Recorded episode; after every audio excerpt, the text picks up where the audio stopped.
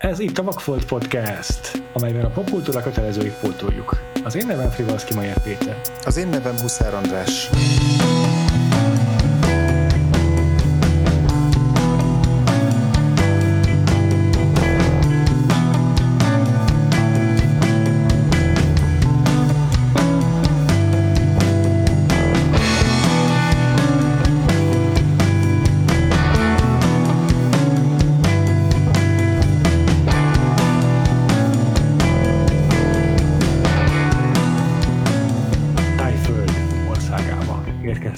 Ázsiai filmes évadunkban. Uh-huh.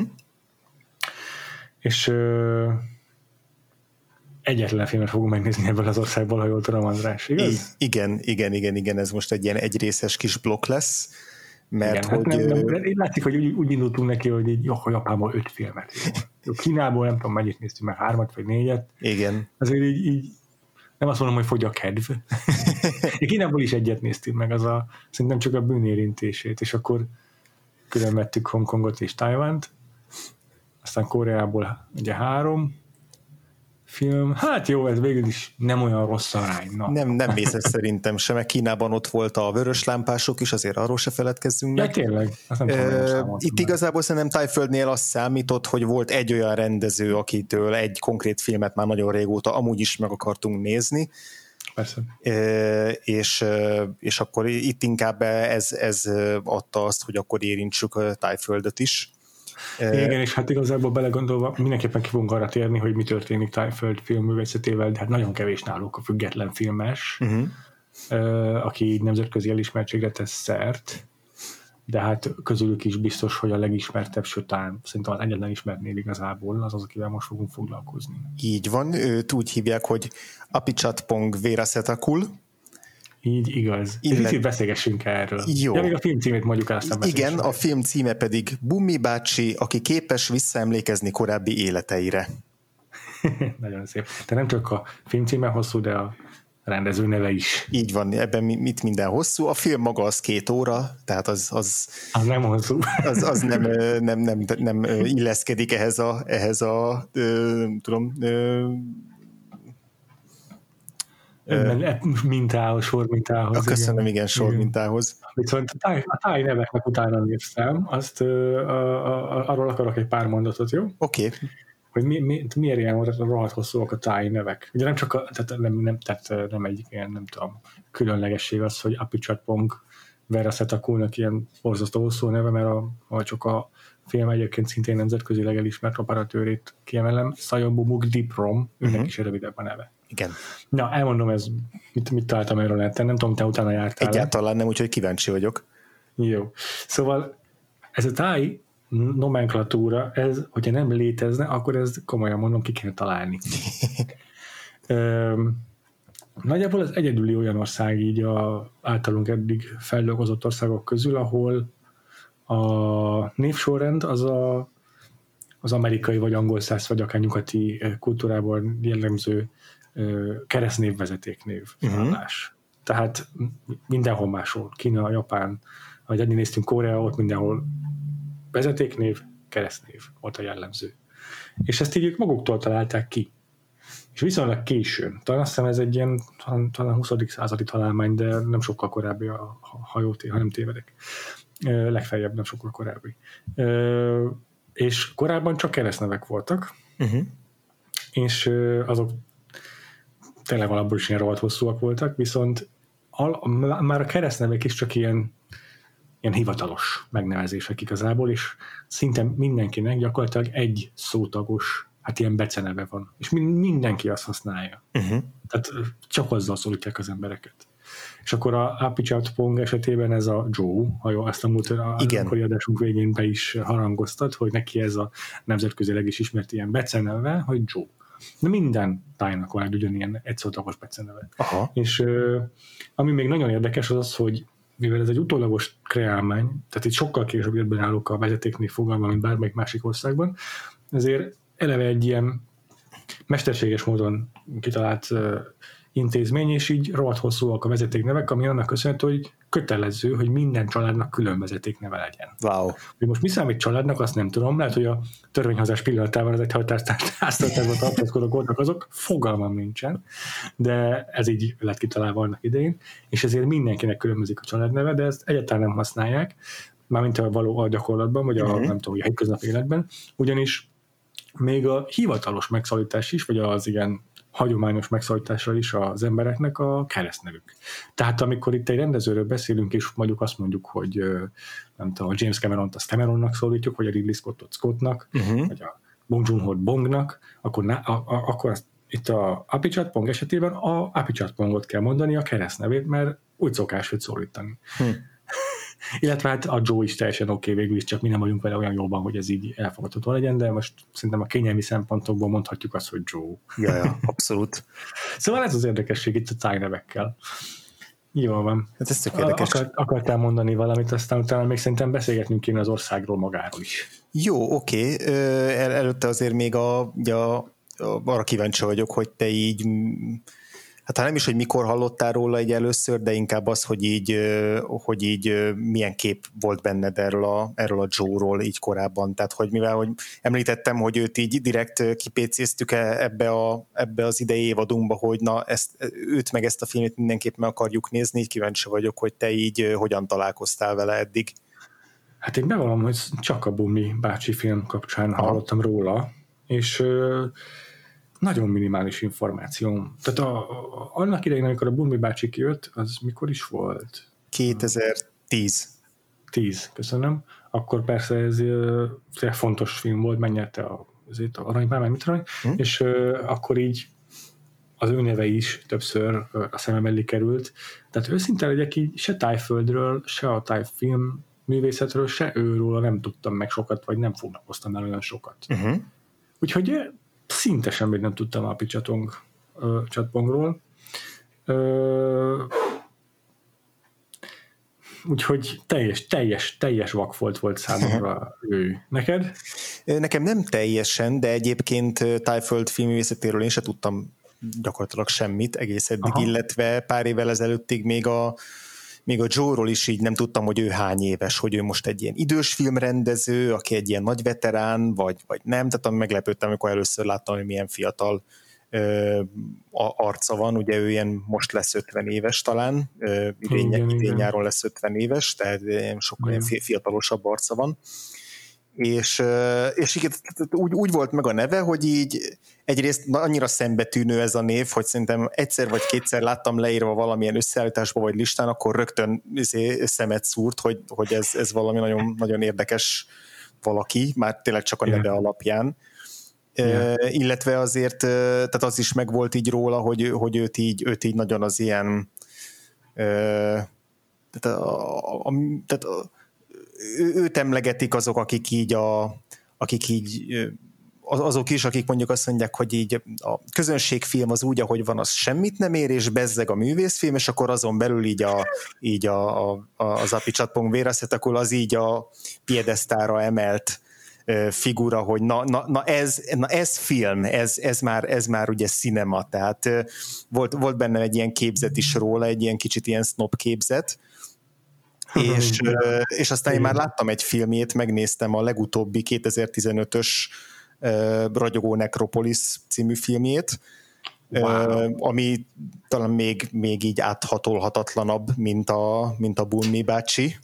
Tehát elsősorban azzal szembesültem annál a filmnél, hogy így biztos, hogy tucatnyi olyan kulturális, földrajzi, társadalmi rétege van, amit így egyáltalán nem értek meg olyan utalásokkal benne mondjuk a tájföldi múltra, vagy történelemre, vagy hiedelemvilágra, ami, amihez teljesen nincs semmilyen kulturális fogodzom, viszont az is, azt, azt is érzékeltem, hogy, hogy maga a filmnek az atmoszférája, hangulata, tempója az meg, az meg nagyon érdekes, és így be tudott valamennyire szippantani. Tehát, hogy így inkább pozitív élmény volt a, a, a ragyogó Necropolis, és azt éreztem, hogy így nagyon szívesen megnéznék majd több filmet is tőle, de egyébként meg tipikusan az a rendező, akit így nem feltétlenül ülök le, mondjuk egy, egy random keddeste, hogy na akkor most nézzünk meg egy jó Joe filmet, úgyhogy ilyen szempontból meg nagyon jó volt ez a, ez a, a podcastes ürügy hogy bepótoljam a, a, a Bummi bácsit.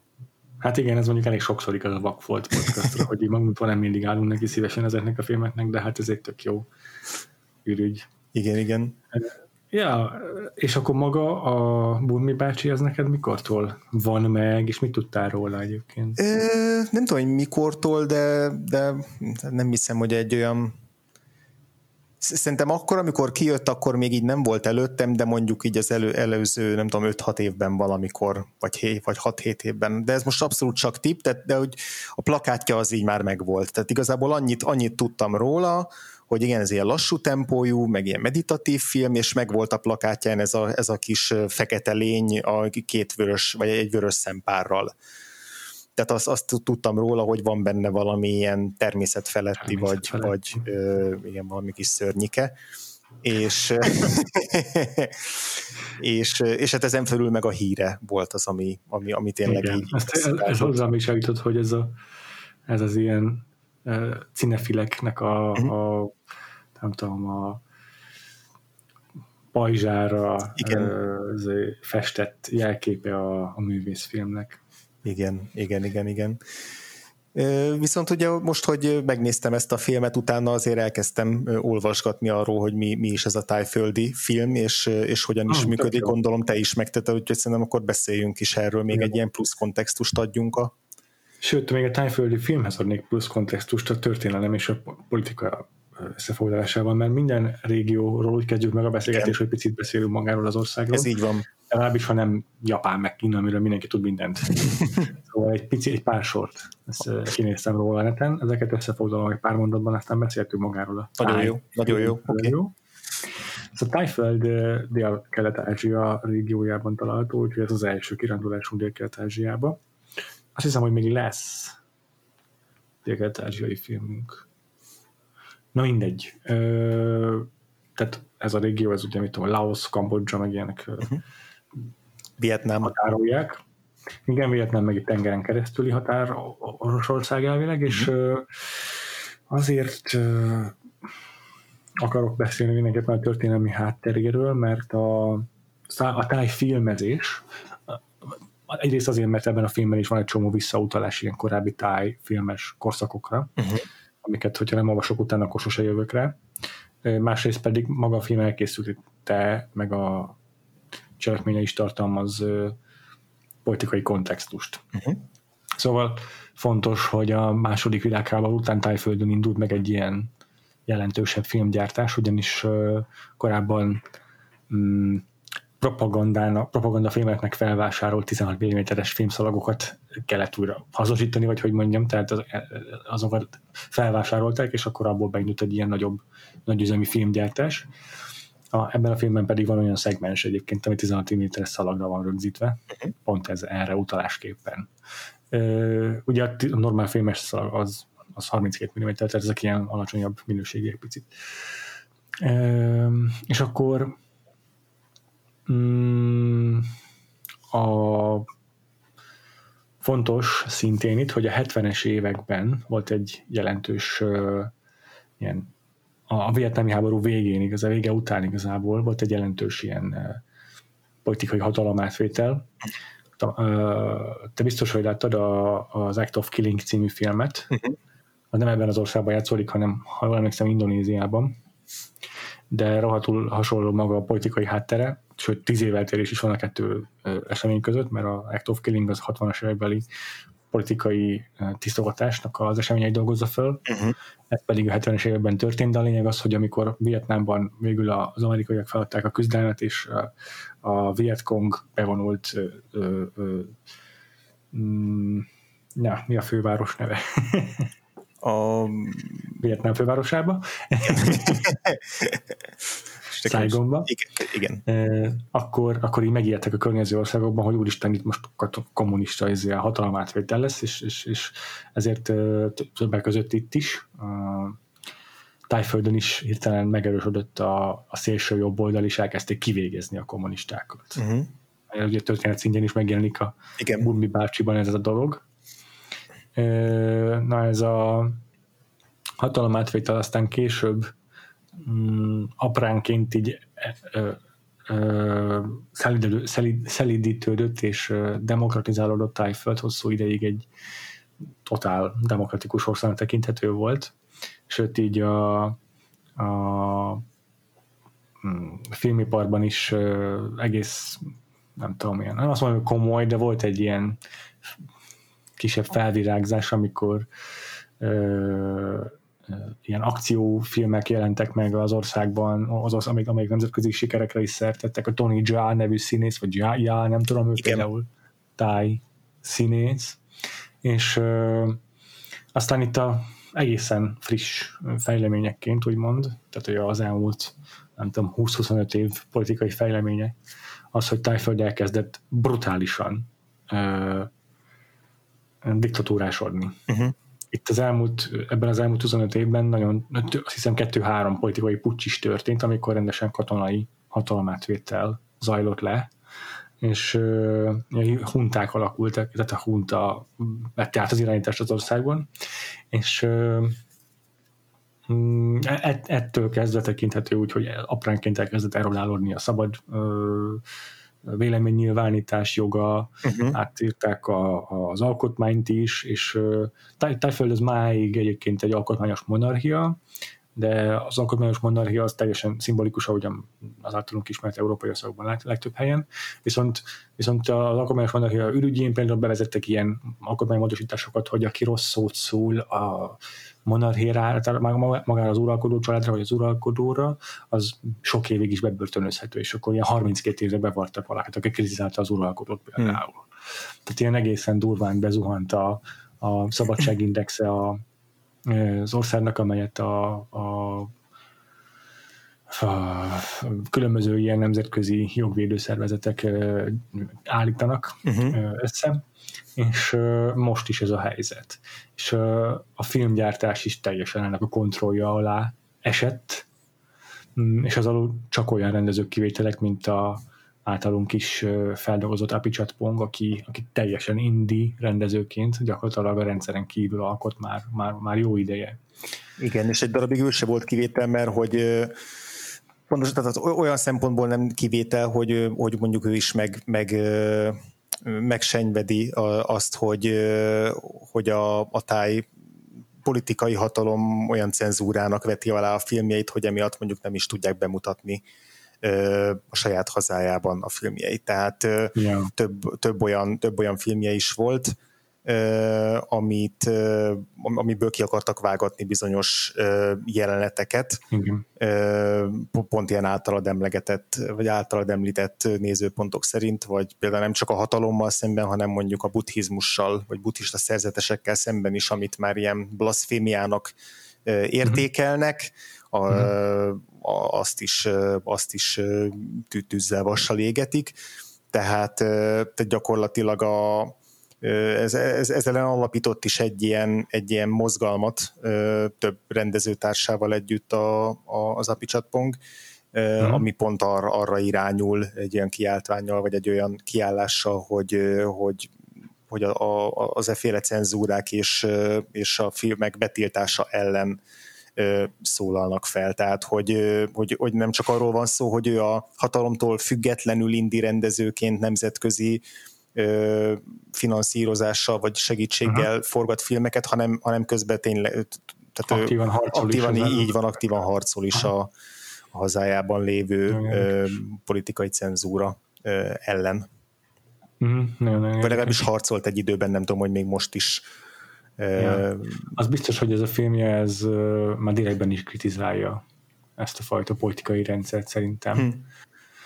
Meg még explicitebbé tesz benne olyan dolgokat, amelyekért korábban kritizálták. Igen. Úgy érzem legalábbis. Tehát uh, amiket eddig kicenzóráztattak a filmjeiből, azokat most még, még, még, még, még inkább csúcsra járatja. Ja, igen, igen. Igen. Ja, röviden akkor annyit a tájföldről. Uh-huh. Amit még mindenképp nem érdemes el, elmondani, ami nem a politika, hanem így a vallási vonatkozás, hogy a Aha. tájföldnek a gyakorlatilag ilyen államvallás a buddhizmus, tehát ugye 95%-a a lakosságnak buddhista. Wow. És, Aha. és ugye nem olyan régen a, a Kim Kiduknak a, a filmje a tavasz nyár ősztér és tavasz kapcsán beszélgettünk, hogy Dél-Koreában a buddhizmusnak melyik ága terjedt el, ugye az, az volt a Mahayana buddhizmus, és, és Tájföldön ezzel szemben a, a, másik nagy ág, az ősi bág, ez a Hínajana buddhizmus, az, ami, az, ami, az, ami elterjedt, és, és gyakorlatilag ennek a ennek a, ennek a tehát ezt, ezt gyakorolják Tájföldön, ezt egyébként másképp most egy picit ilyen lett ilyen fogalomzavar, de ez a Téraváda buddhizmus néven is illetik. Ez a, ennek a hínajána ágnak, a kánonnak a, a, a jelenleg is élő változata, ha jól tudom. Tehát ez, ez az, amit ma konkrétan gyakorolnak, ez a téraváda, és igazából amennyire utána az a különbség, hogy ez egy sokkal szigorúbb hm. szigorúbb, és a, a, hm. a buddhizmus korai, tehát tényleg a buddha korabeli tanaihoz sokkal ö, rigorózusabban ö, ragaszkodó ö, irányzat, tehát például ö, a tájföld lakóinak gyakorlatilag szinte mindenkinek kötelező az élete során azt talán pár hónapot szerzetesként tölteni. Tehát egy ilyen, mint az ilyen kötelező katonai so, izé, szolgálat, ja, ja. úgy, úgy szerzetesként is kell tölteniük egy rövid időt, és, és például ez is megjelenik a, a Bunni bácsiban. Hmm. És, Igen, és aztán azok, azok, akik pedig szerzetesek, azokat sokkal tényleg ilyen szigorúbb elvek szerint kell gyakorolni a, a, a vallásukat, mint mondjuk a, a, a Dél-Koreában aha, lévő aha. ággal, ághoz képest. Szóval ez, egy, ez, egy, ez is egy érdekes, mert hogy a, ezt azért is akartam kiemelni, mert azért a Bunni bácsiban nagyon-nagyon erős, és talán még, még a, a politikánál vagy a társadalmi vetületnél is fontosabb így a hiedelemvilág és a vallás és ezeknek az összefonódása, úgyhogy erről biztos, hogy sokat fogunk Nagyon-nagyon jó. És akkor még egy picit a, Abichatpónak a filmográfiájáról, hogy miért ezt emeltük ki, azt is beszéljük meg szerintem, meg hogy mi előzte meg ezeket, mi előzte meg ezt a filmjét. Igen, neki eddigre 2010-re már gyakorlatilag volt egy ilyen nemzetközi renoméja, Ja. Mert hogy már a, a 2002-es Blissfully Yours, ez az angol cím, a táj címet. Ennek magyar címét nem is találtam. Nem, én se, én se, csak a Bummi bácsinak és a 2015-ös ragyogó uh, Necropolisnak Aha. találtam magyar címét, a többinek nem. Aha. Ugye táj mhm. címeket meg se kísérlem kimondani, ezért az angol címeket fogom használni, tehát a 2002-es Blissfully Yours az már a, az akkori Cannes Film, tehát a 2002-es Cannes Film Fesztiválon uh, megnyerte az Önszertön Regár uh, kategóriának a, a, a fődíjat, ez ugye a fiatal tehetségeknek szentelt szekció. És tényleg, igen, igen. Majd két évvel később a szintén nincs magyar címe a Tropical Malady című filmjének. És ezek már egyébként, ha jól tudom, mindkettő olyan film volt, amelyet a, a, a hazájában rendesen cenzúráztak, vagyis hát egész pontosan nem nagyon engedték moziba ezeket. Nagyon limitált vetítést kaptak, és ezzel szemben, ezzel szemben Kamban tényleg díjakat nyertek, mert a Tropical Melody az a zsűri nagy díját nyerte el 2004-ben. Utána... Igen, a, a, annyi, hogy itt a, Igen. Azt, azt szeretném kiemelni, hogy a, a, ami miatt nem kapott rendes vetítést, a Blissful Yours az az, hogy volt egy szex jelenet, egy egy, egy burmai fickó, meg egy tájnő között egy dzsungelben állítólag. Aha. És, és ez már azt eredményezte, hogy cenzúreztek a filmet, és nagyon kevés bemutatót kapott, uh-huh. és a, bocsánat, a cenzúra csak a DVD-n történt, a DVD-s megjelenéskor. Uh-huh. A Tropical Melody című filmben pedig egy homoszexuális kapcsolat is áll, áll a Igen. középpontban. Igen, amit azért is fontos megjegyezni, mert maga Apichat Pong is meleg, Igen. és vállalatan homoszexuális, ami tehát gondolom számára egyébként is fontos témájú film volt ez. Úgyhogy aztán, nem csoda, hogy ezek után igen. Igen, hamar szembefordult a, a, a mainstream filmet Igen. Aztán 2006-ban a Syndromes and the Century című filmje, ami az Arany Oroszlánért versengett a 2006-os Velencei Filmfesztiválon. Ez, ez már megint a román cenzúrázba? Ez igen, igen, és ez pedig kifejezetten ilyen saját, tehát ha jól tudom, akkor ez ilyen részben önéletrajzi, de inkább az ilyen, ilyen saját politikai, tehát a családi, meg nemzedék ilyen politikai múltjával foglalkozó film, tehát hogy ebben, ebben amennyire utána olvastam, vagy amennyire emlékszem, ez, ez kifejezetten így a, így a család történetével foglalkozott, vagy azzal is. Aha, és azt még szeretném itt kiemelni, hogy ha jól tudom, akkor ez talán ez volt az első pucs uh, utáni film. Az első Aha. táj pucs utáni első filmje. Elvileg, igen. Ha jól tudom, akkor utána volt még egy ilyen katonai pucs, de igen, 2006-ban biztos, hogy volt egy, amikor egy katonai hunta vette át az uralmat, és akkor ők, ezt már ők cenzúrázták. Igen, igen, igen, és akkor cenzúrázott filmet ilyen kisatírozott jelenetekkel vetítették egy-két moziban. Aha. Tájföldön, és akkor ezt követte a, ezt követte ja, a, semmi, a, a 2010-es uh, Bummi bácsi, tehát itt már megérkezünk a, a mostani filmünkhöz, de egyébként a, az apicsatpunkról nagyon fontos azért elmondani, hogy ki két dolgot, az egyik az, hogy sőt igazából egy dolgot, hogy Chicago-ban tanult, tehát Igen.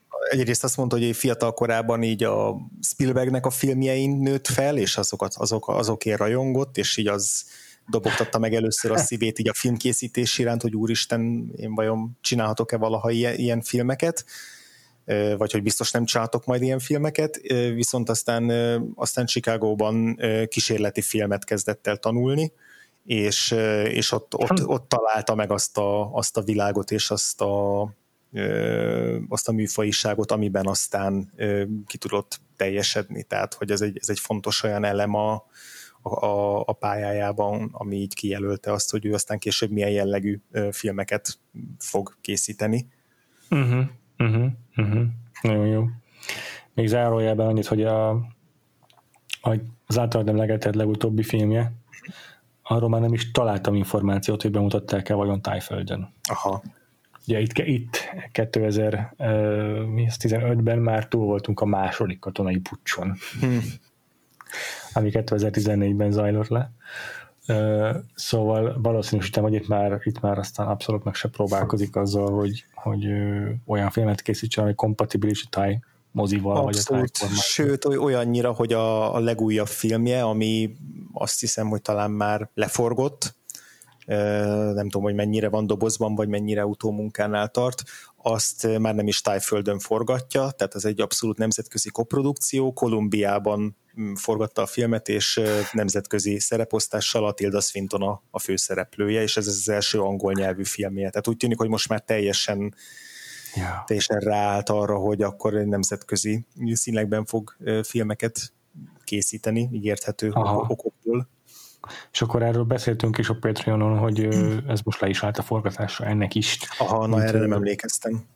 Ez az az egyik első, amit így bejelentettek, arra emlékszem. Tényleg, tényleg, tényleg, tényleg, tényleg. tényleg Mert akkor még így nagyon korai fázisában volt. A, talán még nem is volt Európában hivatalosan ez pandémia, akkor Aha. még, amikor ezt már bejelentették. Na jó, csak gyorsan be akartam ezt is, meg akartam ezt is említeni, hogy egyszer szóba jött már nekünk ez a rendező emlékeim szerint. Ja, abszolút, most már nekem, most már nekem is rémlik, én is emlékszem. Szóval ja, igen. ez meg egy szörnyű hely lett ezek után valószínűleg, hogy ja, tényleg nagyon ezért gyors zárójelben, hogy itt ja. hogy uh, itt az első pucs is már elég uh, uh, hogy mondjam, aggasztó uh-huh. tűnik, de a második pucs után úgy, úgy olvastam a Wikipédián, hogy már ilyen viselkedés korrigáló táborokba mm. küldik az embereket, akik a politikailag mm-hmm. nem értenek egyet a, a kormányon, mm-hmm. és 2016-ban mm, elhunyt az akkori uralkodója Tájföldnek, és a fia vette át az uralmat, és egy új mm, alkotmányt fogadtak el, ha jól tudom, vagy kiegészítés, nem tudom pontosan, és bár volt választás, de azt ugyanúgy megnyerte a, az, az azóta is uralman lévő katonai buncsot végrehajtó vezetés. Hmm. Tehát nem, nem, nem, nem jók a kilátások abban az országban. Hát, ja.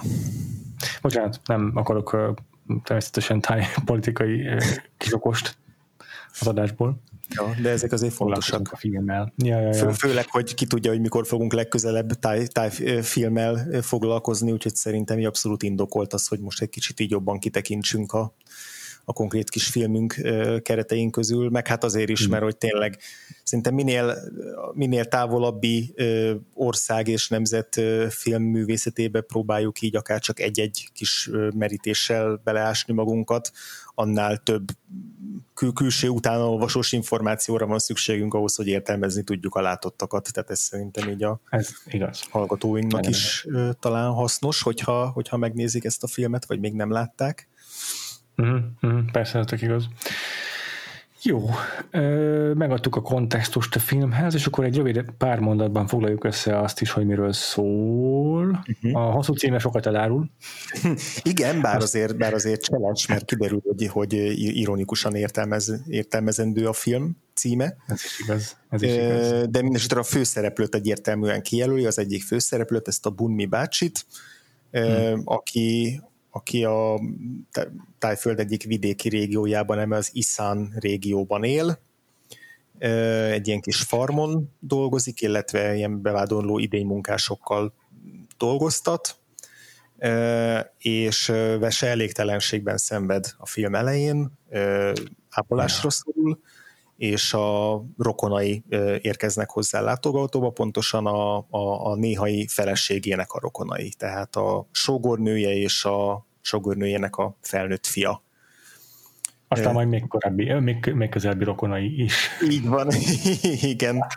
igen, igen, igen, így van.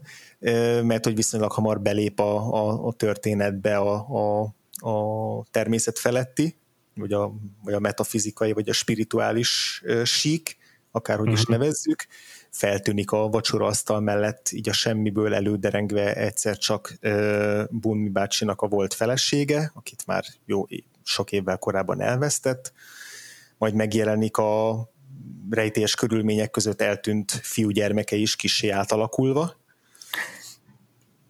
és, és igazából ők lesznek a, a, a főbb szereplője a filmnek, bár ez változik, mert van, aki van, aki csak egy-egy jelenetre tűnik fel, vannak olyan szálai a filmnek, vagy olyan hm. betét jelenetei, amik, mint hogyha egy teljesen más környezetben, meg teljesen más szereplőkkel, sőt, teljesen más időben játszódnának, és, és akkor de, de, de hogy igazából összességében a Bunmi bácsi élete utolsó napjairól szól a film, és arról, hogy hogyan néz szembe a halállal, a, hogyan segítik át őt a élő és holt ö, szerettei, és aztán ezen belül pedig a, a reinkarnáció lehetőségeiről, illetve egyáltalán ilyen nagyobb létkérdésekről, meg élet, az élet és halál kérdéseiről, karmáról, ja. érdemi cselekménye, tehát ilyen, ilyen ténylegesen összefoglaló cselekménye az ennyi a filmnek, igazából néhány beszélgetés vagy, vagy erdei séta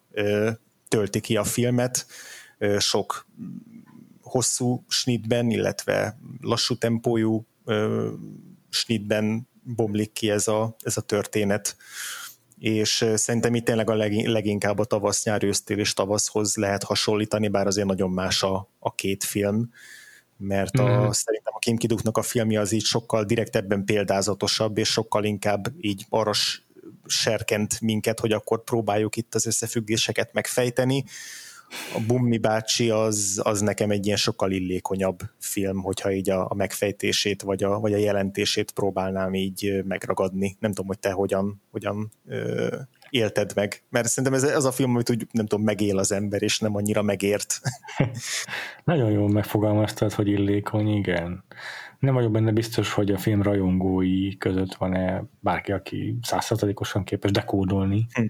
a Bicsatmónak a képeit, de biztos vagyok benne, hogy mindenki úgy gondolja, aki nem is dekódolt a filmet teljes egészében, hogy nem is szükséges uh-huh. igazából.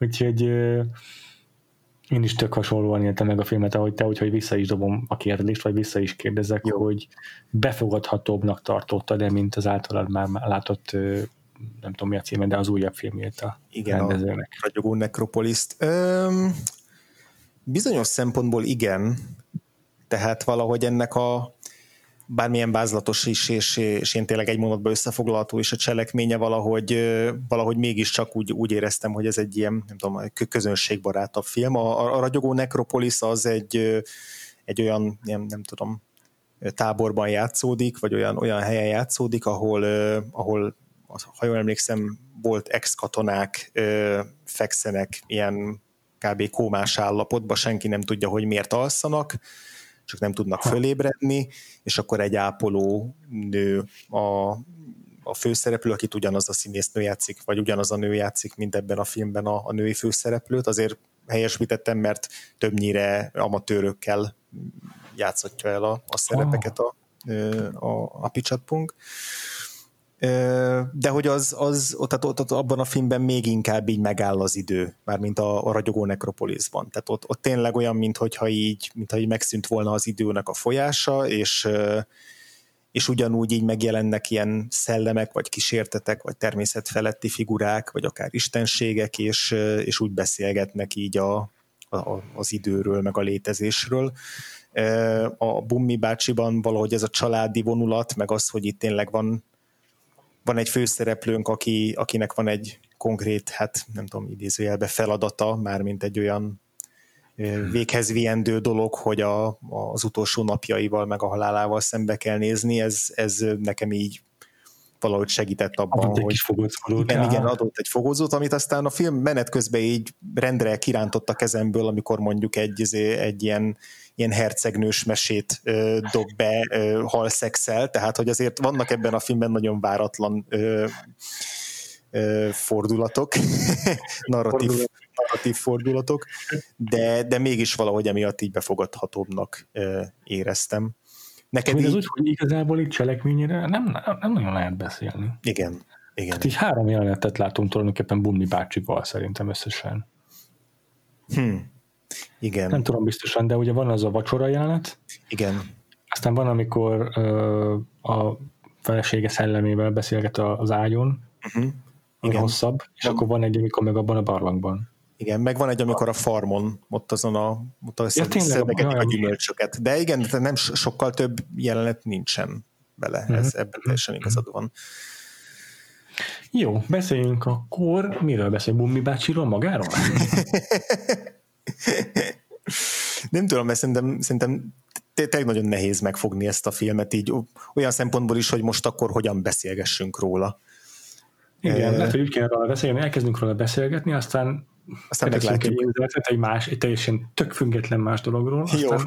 a beszélgetés ott róla hagytuk. Nagyon jó. Nagyon jó, kövessük le a filmnek az ívét.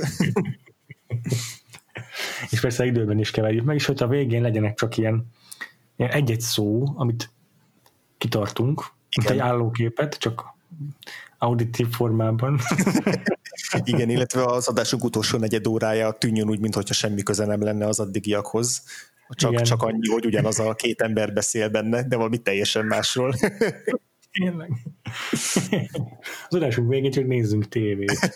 Nagyon jó, és közben énekeljünk. Jó, egyszerre nézzünk tévét, és menjünk el vacsorázni. Na jó, igen, tehát ez egy tényleg nagyon összezavaró film tud lenni. Igen, tehát hogy nem tudom, hogy, hogy nevezhetjük egy kísérleti filmnek, mert azért van benne valamennyi, valamennyi narratíva, vagy, vagy valamilyen narratív ív, de azért eléggé kevés. Tehát azt is lehet tudni, hogy ez a, ez a, a Bummi bácsi, mint a, a maga a film, az egy hát ha nem, tehát egy képzőművészeti installáció ö, hát ha nem is részeként készült, ja. de, hogy, de hogy voltak ilyen képzőművészeti installációs előzményei, ami után, ami után egy ilyen befejező darabként kvázi e, meg, megcsinálta ezt a filmjét. Én erről hallottam, ez a primitív nevű igen. dolog, vagy mi, mi volt a pontos cím? Igen, igen, igen. Ezt én ne, sajnos nem olvastam utána magának ennek az installációnak, mi volt a témája. Ö, annyira alaposan én sem.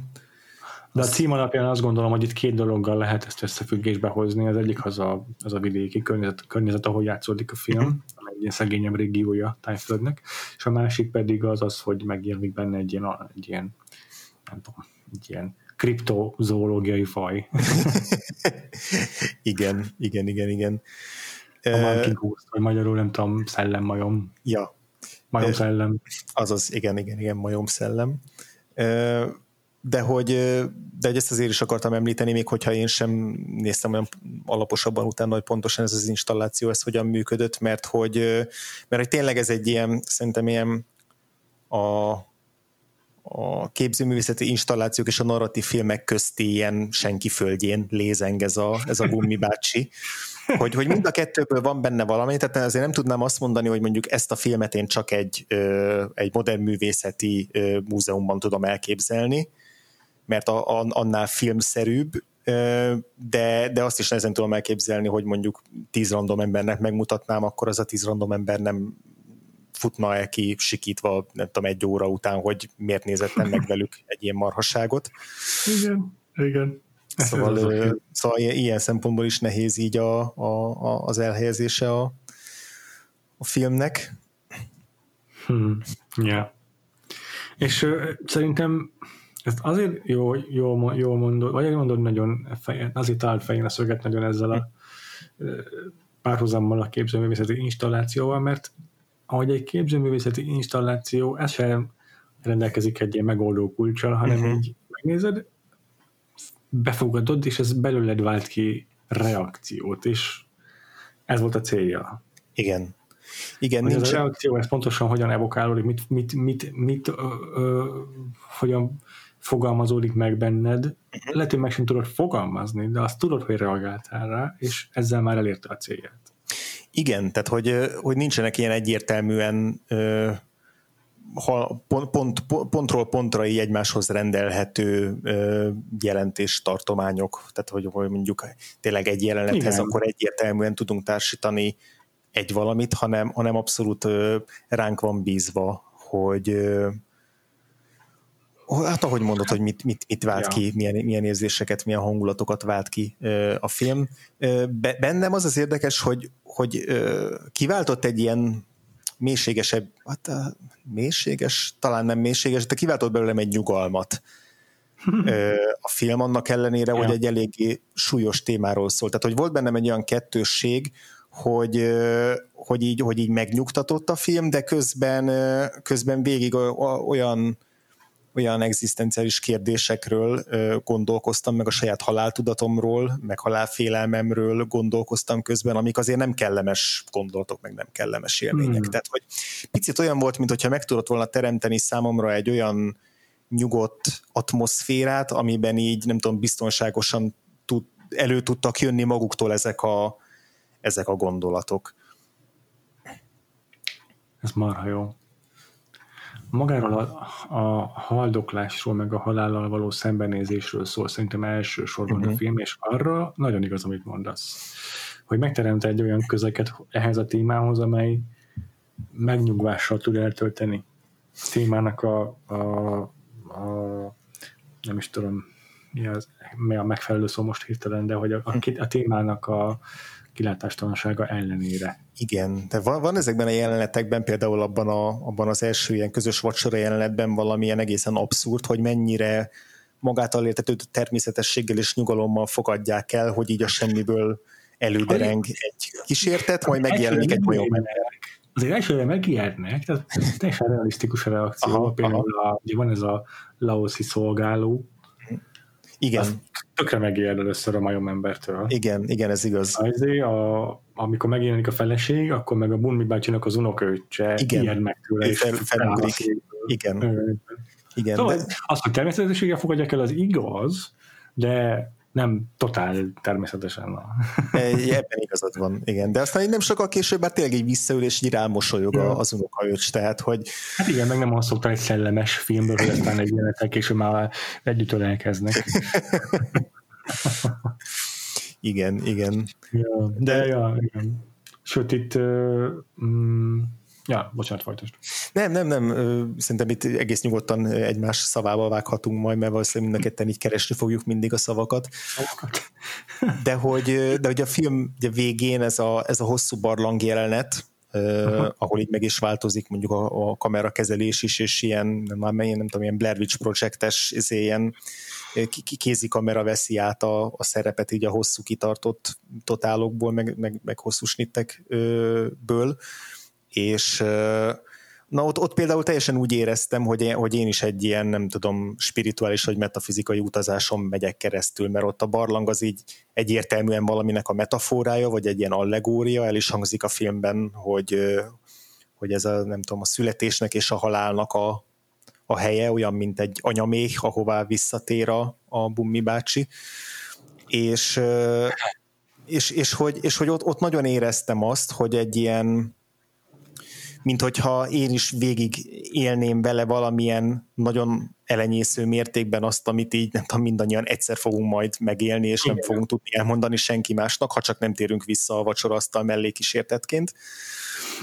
De hogy, de hogy, de hogy szóval nagyon kevés olyan olyan mozgóképes vagy filmes élményem van, ami, aminél tényleg azt éreztem, hogy valamit ebből nem az, az rossz szó, hogy át tud adni, de hogy, de hogy úgy érzem, mintha valamit érzékeltetne egy ilyen, egy ilyen ö, egzisztenciális útból, vagy utazásból.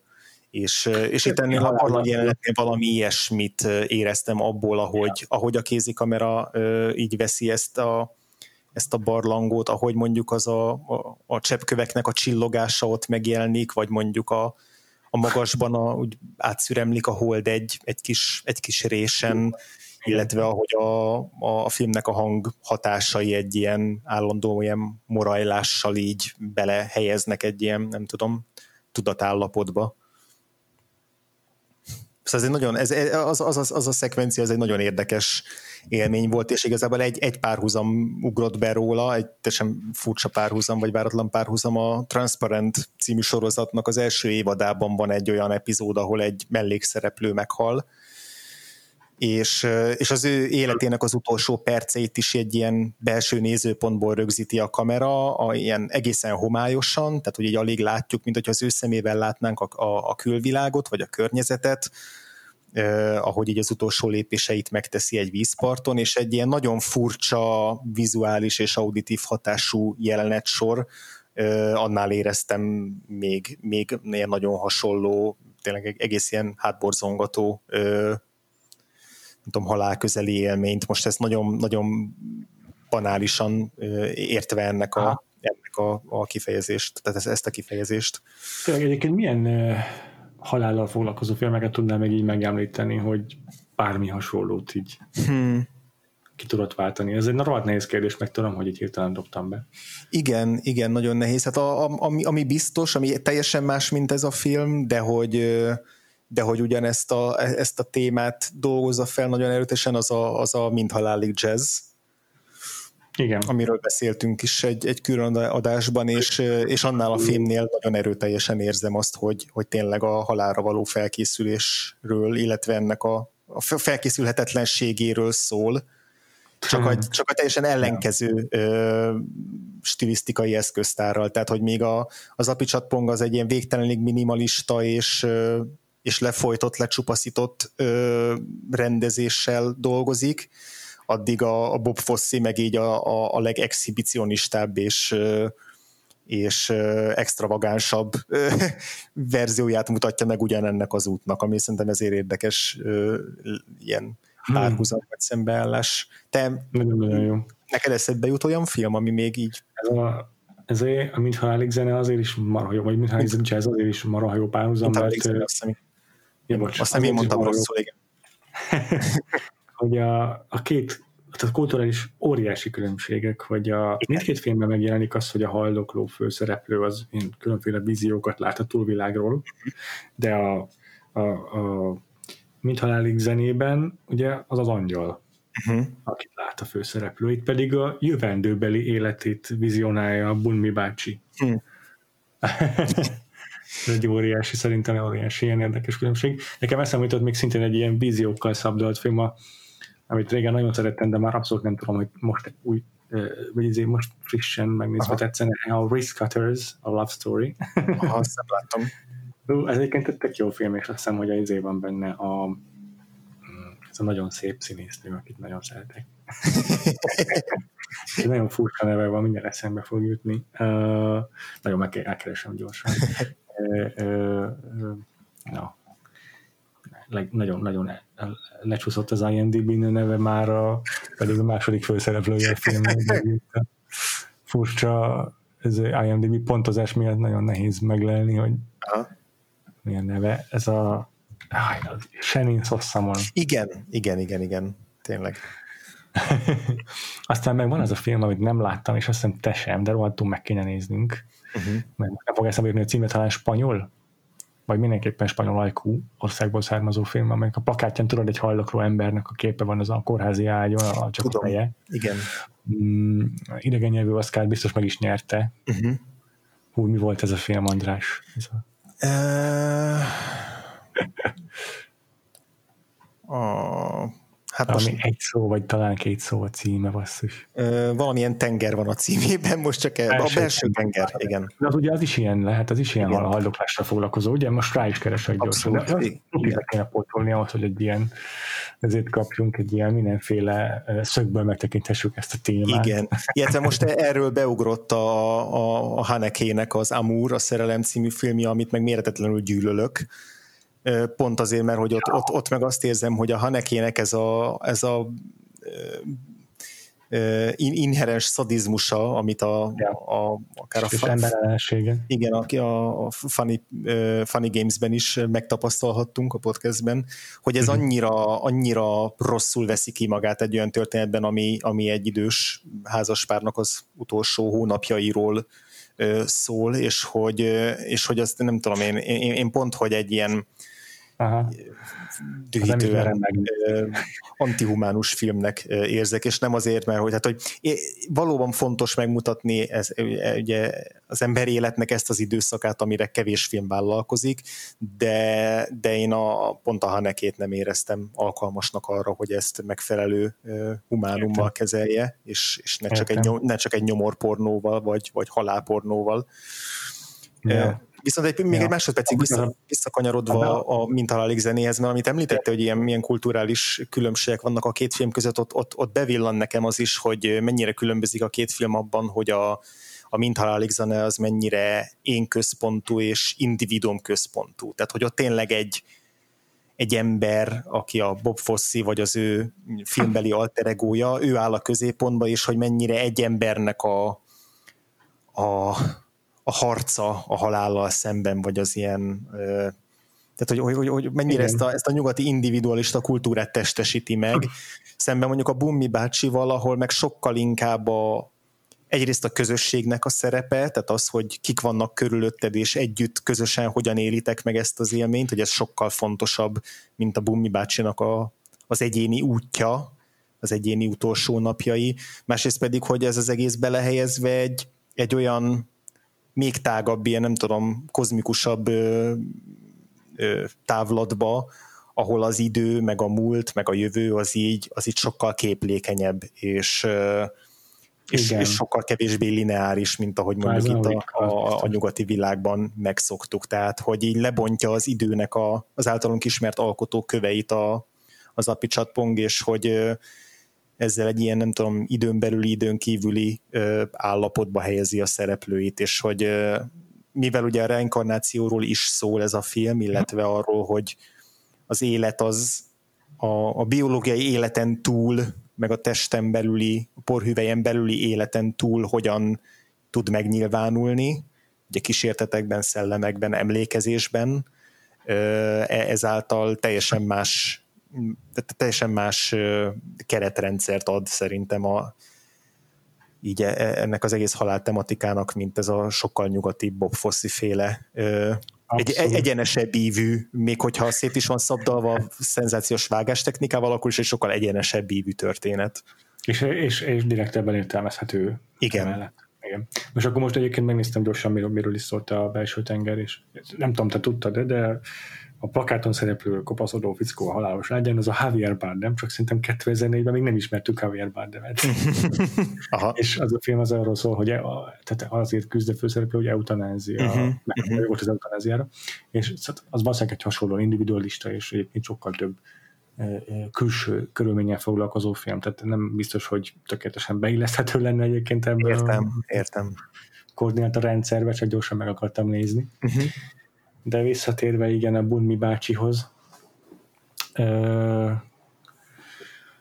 ha az egész vacsora jelenetet megelőzően még van egy uh, nyitó jelenete is a filmnek, uh-huh.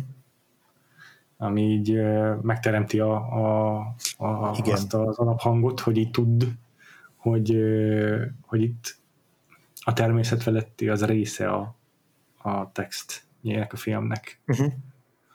Először egy szarvasmarhát látunk, aki elszabadul a gazdáitól, és az erdőben, egy, egy dzsungelben valahol mm, elbolyong, és nem is tudom pontosan mit történik, de aztán kiköt más embereknek, a, a más emberek között, de nem is ez a lényeg, hanem hogy mm, mindezt az erdőből szemléli egy ilyen piros szemű, szőrös élőlény, aki e, Csubakka és egy Java gyermeke lehetne. Igen. És uh, itt, itt, itt ér véget a, a, nem tudom, a Cold Open, nyugatiasan szólva, vagy hát tévésen szólva, és akkor aztán azután jelenik csak meg a film címe a képernyőn, ha jól emlékszem. Igen, igen, és utána érkeznek meg autóval a, a, a főszereplők. Nagyon tetszett egyébként. Két mondat, amit így elcsíptem egy, egy interjúból a, a Pichat.tól, az egyik az az, hogy őt nem akar nagyon értelmezést adni a filmjeinek, uh-huh. azt mindenki nyugodtan fogadja be, hogy akarja, de az egyértelmű, hogy ezt elmondja, hogy ez egy haldokló emberről szól. És a másik, hogy, hogy hogy ugyanitt valahol így azt is elmondta, hogy ez a, hogy a fú, basszus, valamelyik filmével kapcsolatban, amit készíteni, akkor éppen készített, kérdezték, hogy miről fog szólni, meg ilyesmi, és akkor azt mondta, hogy hát olyan napi csatpongos lesz, hogy az emberek mennek csendben autóval hosszan. ez a nyitó is egy ilyen.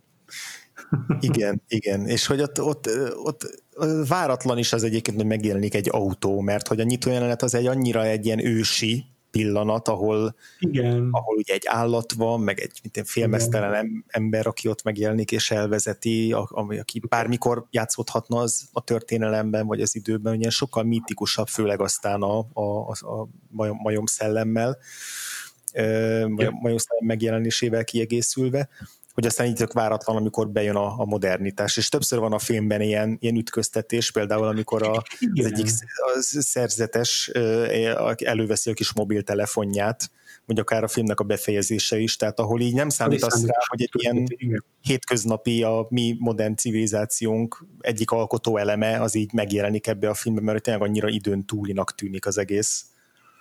Igen, ez is a, tényleg pont, pont a temetéses jelenetnél, vagy hát az a szertartás, bocsú szertartás jelenetnél és tetteníthető ez, hogy teljesen szándékosan ö, zavarja össze a nézőt a, a Pong azzal, hogy, hogy ott is először a tömeget látjuk, akik búcsúztatják, a, vagy hát az embereket búcsú, látjuk, hogy búcsúztatják a bunmit, aztán nem is tudom, de van egy ilyen hirtelen vágás, és akkor látjuk, hogy ilyen, ilyen csiricsári lámpasorok világítanak a, a, azon a szentélyen, ahol a Bunmi bácsinak a, Igen. a koposója van.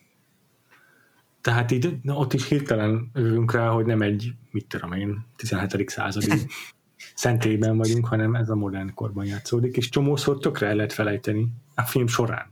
Teljesen. Hogy az így a jelenkor embere. Abszolút, igen, tehát ezért, ezért mindig váratlan, amikor, amikor megjelenik egy, egy, egy olyan, olyan elem a filmben, ami emlékeztet minket, hogy melyik században járunk, mint amikor amikor arról beszél a Bumi bácsi, hogy, hogy annak idején fiatal korában milyen atrocitásokat követett el, ugye ez az általad ja. emlegetett kommunista ellenes hadjárat, és hogy Igen. abban egy ilyen egy, egy mondatban összefoglalja, hogy, hogy akkor mennyi kommunistát ölt meg, és mennyi bogarat, és hogy... Bogarakat azokat a, a kertészkedés során öli már. Igen, igen, igen, igen, az később, de hogy valahogy így egymás mellé helyezi ezt a kettőt, de hogy közben azt mondja, hogy, azt mondja, hogy ez a, ez a karma, az, hogy ez a betegség, amivel, igen. amivel őt... őt, őt. Van versenyelégtelensége, mert rossz a karmája. Igen, igen, igen. igen. Szóval, hogy itt tényleg á, állandó az a filmben, hogy így ez a, a valóság, meg az általunk ismert ilyen civilizáció, az fontosan ütközik ezzel a mágikus realizmussal, meg ezekkel a hiedelmekkel, a, ezekkel a, a más évszázadban vagy játszódó jelenetekkel, mint a hercegnőnek az a kis uh, ilyen meseszerű betétje. Akkor beszéljünk egy picit arról a szegmensről már. Jó. az az, amiről mondtam, hogy, hogy 16 mm-es szalagra lett rögzítve, azt legalábbis arról biztosan tudom, hogy igen az ilyen zajosabb is volt, nem tudom, neked föltűnt Vagy igen, nekem annak tűnt. Igen, igen. Elvileg olvastam olyat, hogy így a, az összes ilyen hosszabb jelenet az más-más filmes technikával készült. Nekem ez így nem tűnt fel, bár Aha. azért egy-két dolgot észre lehet venni, mondjuk a barlangnál a kézikamerázást. Ja, de hogy elvileg, igen, elvileg ez a, ez a harcsa szexes jelenet sor, ez az állatmese, ez, ez szándékosan a, a klasszikus táj filmeknek a, a, a, a stílusában és elbeszélés módjában készült, és igen, az, az nekem is feltűnt. Ez uh, egyébként annak köszönhető, hogy ez egy kosztümös szegmens, és akkor uh-huh. a, a, ezek a klasszikus tájfilmek, ezek sokszor ilyen kosztümös témájúak voltak, és ilyen szappalaperásan túl dramatizáltak, és azért utalt erre picit. Igen, igen, igen. De egyébként szerintem a többi jelenet is, vagy legalábbis én, én, én, én úgy gondoltam nézés közben, hogy, több, több jelenet is 16 mm-es filmre fordult, ja, aztán lehet, hogy nincs így. Nekem csak azt tűnt fel, hogy a, a sötétség, meg a fekete színek, azok mindenhol minden jelenetben sokkal ilyen koszosabbak, és nem tudom,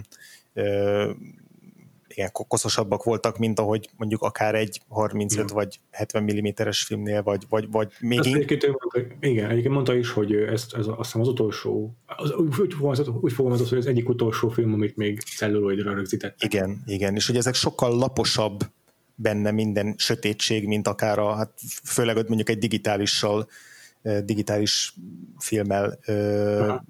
összevetve, amiről beszéltünk már sokszor, hogy ott hogy ez mennyi lehetőséget nyújt arra, hogy a, hogy a sötétséget, meg a feketeséget ilyen mélységgel, meg tartalommal, meg árnyalatokkal töltsék, meg. Na ez itt abszolút nincsen, meg a, a, a sötétségnél, és ez valahogy nem tudom, ez is hozzájárult ahhoz, hogy így ilyen kicsit hát, hátborzongatóbb volt, mond, mondjuk amikor egy a sötétségből elő, előjött egy ilyen vörös szempár Hát igen, volt egy, egy kicsit hátborzongató is, de az nekem, nekem az egész filmnek volt egy ilyen megnyugtató uh-huh. tempója, ezért inkább ilyen mitikusnak éreztem uh-huh. ezt egyszerűen. Tehát nem riadtam meg kifejezetten ezektől a szörmokoktól, uh-huh. hanem, hanem té- tényleg a megjelenésük maguk ilyen mozdulatlanságban merevedésével valahogyan mm, igen, nem ilyen, nem ilyen szörnyfilmes hatása van, hanem olyan, hanem olyan, mint hogyha mi is egy olyan hiedelemvilágban, vagy egy olyan közösségben élnénk, ahol ez a hiedelemvilág még sokkal élőbb, és emiatt, amikor nekünk megjelenik egy-egy ilyen teremtmény, akkor még hogyha meg is ijedünk elsőre, az sem egy ilyen páni félelem, hanem csak egy automatikus reakció, de hogy sokkal inkább hozzátartozik a, a világnézetünkhöz az, hogy ezek a lények léteznek. Tehát, mint hogyha... Mint hogyha, mint hogyha... amikor megjelenik a, a szellem mondjuk a vacsorasztalán, és akkor egy pillanatra megijedsz, aztán visszaülsz és beszélgetsz vele. Igen, ne, nem is megle, igen, nem is megijedsz, hanem inkább meglepődsz talán. Meglepődsz. Ja, tényleg meglepődsz inkább. Mert hogy, mert hogy közben, meg, közben meg egy olyan, olyan világban élsz, vagy olyan, olyan a világnézeted, a, a, amihez ezek hozzátartoznak. Ez igaz, és igazad van abban is, hogy a, a, az unoka öcs, az csak meglepődik azon, hogy hirtelen megjelenik mellette valaki, és az, aki meg tényleg hirtelen nem érti, mit keres ott egy ember, az meg egy laoszi külső uh-huh.